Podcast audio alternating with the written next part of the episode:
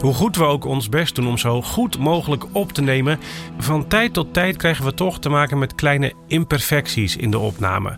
Te hard opgenomen geluid bijvoorbeeld, te harde S-klanken. Daarover hebben we het gehad in aflevering 42 en 44. In deze aflevering een ander regelmatig terugkerend probleem: plopgeluiden, ook wel plosives genoemd in het Engels. Dit is Kennisbank aflevering 45.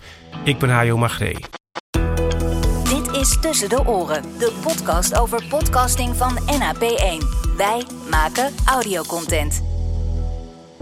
Zonder lucht kunnen we niet praten. Zonder lucht staat natuurlijk het hele leven stil, dat weet ik ook wel. Maar om te kunnen praten ademen we lucht uit langs onze stembanden. En die uitgeblazen lucht, die brengen we daarmee in trilling. Die trilling, dat zijn golfjes. En die golfjes die komen bij je oor. En zo kunnen we horen en verstaan wat iemand zegt. Maar in dat uitademen van die lucht zitten soms kleine probleempjes. Bij sommige klanken komt er een stootje vrij harde lucht vrij. Dat is nog niet een knal voor je oren alsof er vuurwerk afgaat of zo. Maar vergeleken met een k, een k, is het geluid van een p, een p of een b, een b veel harder. Niet in volume zozeer, maar in de hoeveelheid lucht die je nodig hebt om zo'n p of b te produceren. En als microfoons ergens gevoelig voor zijn, dan is het wel lucht. Ze zijn namelijk gemaakt om hele kleine trillingen in die lucht op te vangen en om te zetten in elektrische signaaltjes. En daar opgeslagen geluid van te maken. Het is eigenlijk hele verfijnde elektronica, gevoelig, kwetsbaar. En daarom kunnen veel microfoons niet zo heel goed overweg met lucht die opeens heel hard in trilling wordt gebracht. En dat doe je eigenlijk bij het maken van een P of een B. Het probleem dat ik bedoel is dat zo'n hard stootje lucht in de microfoon wordt geblazen dat het geluid vervormd wordt opgenomen als een soort plopje.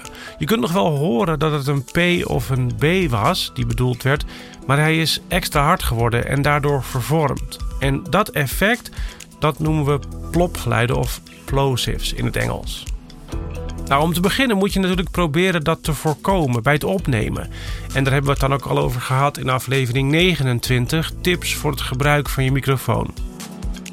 Condensatormicrofoons zijn gevoeliger dan dynamische, dus met condensatormicrofoons heb je hier sowieso eerder last van dan met dynamische.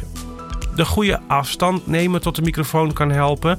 Dan is de kracht van de lucht al iets afgenomen op het moment dat hij het membraan bereikt een beetje schuin in de microfoon praten. Of eigenlijk bedoel ik dan de microfoon een klein beetje schuin voor je mond zetten. Zodat die harde lucht er een beetje langs geblazen wordt in plaats van rechterin. Dat kan ook helpen. Een plopkap op de microfoon zetten kan helpen. Zo'n schuimbol. Dat heet dus niet voor niets een plopkap.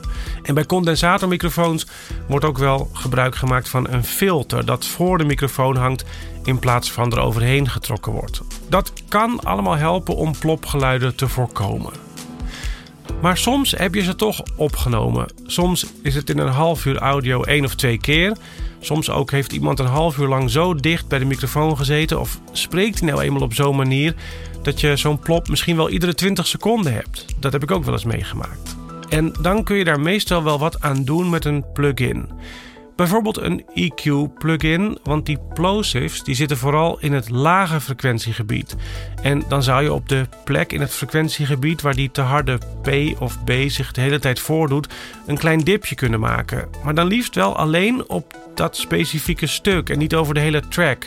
Dat kun je bijvoorbeeld ook doen met een dynamische EQ of met een compressor die je inzet zoals je ook een de-esser zou inzetten, maar dan op dat frequentiegebied waar die plosives zich voordoen.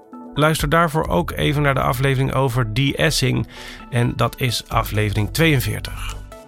Je kunt de P ook lossnijden in je audio-editor door heel ver in te zoomen en dan alleen dat harde plopgeluid even los te snijden, wel te laten staan, maar dan alleen van dat kleine fragmentje het volume te verlagen maar als je heel veel plosives hebt in een opname, dan wil je misschien wat meer geautomatiseerd te werk gaan. En dan zou je ook een plugin kunnen nemen die hier speciaal voor bedoeld is. Zoals de Deplosive plugin van Acusonus van Era, die ik gebruik. Maar Isotope RX heeft ook een plosive remover. Ik ken hem niet, maar Isotope kennende werkt dat ding vrij goed. Dat zijn dus plugins die vrijwel geautomatiseerd hun werk doen. En het enige wat je dan nog hoeft te doen is in te stellen hoe agressief ze moeten ingrijpen. En daar zit een beetje de kunst natuurlijk, want hoe agressiever je dat ding laat ingrijpen, hoe meer je het overal geluid beïnvloedt. In plaats van alleen die plosives. En dat ga je weer horen en dan is het middel soms erger dan de kwaal.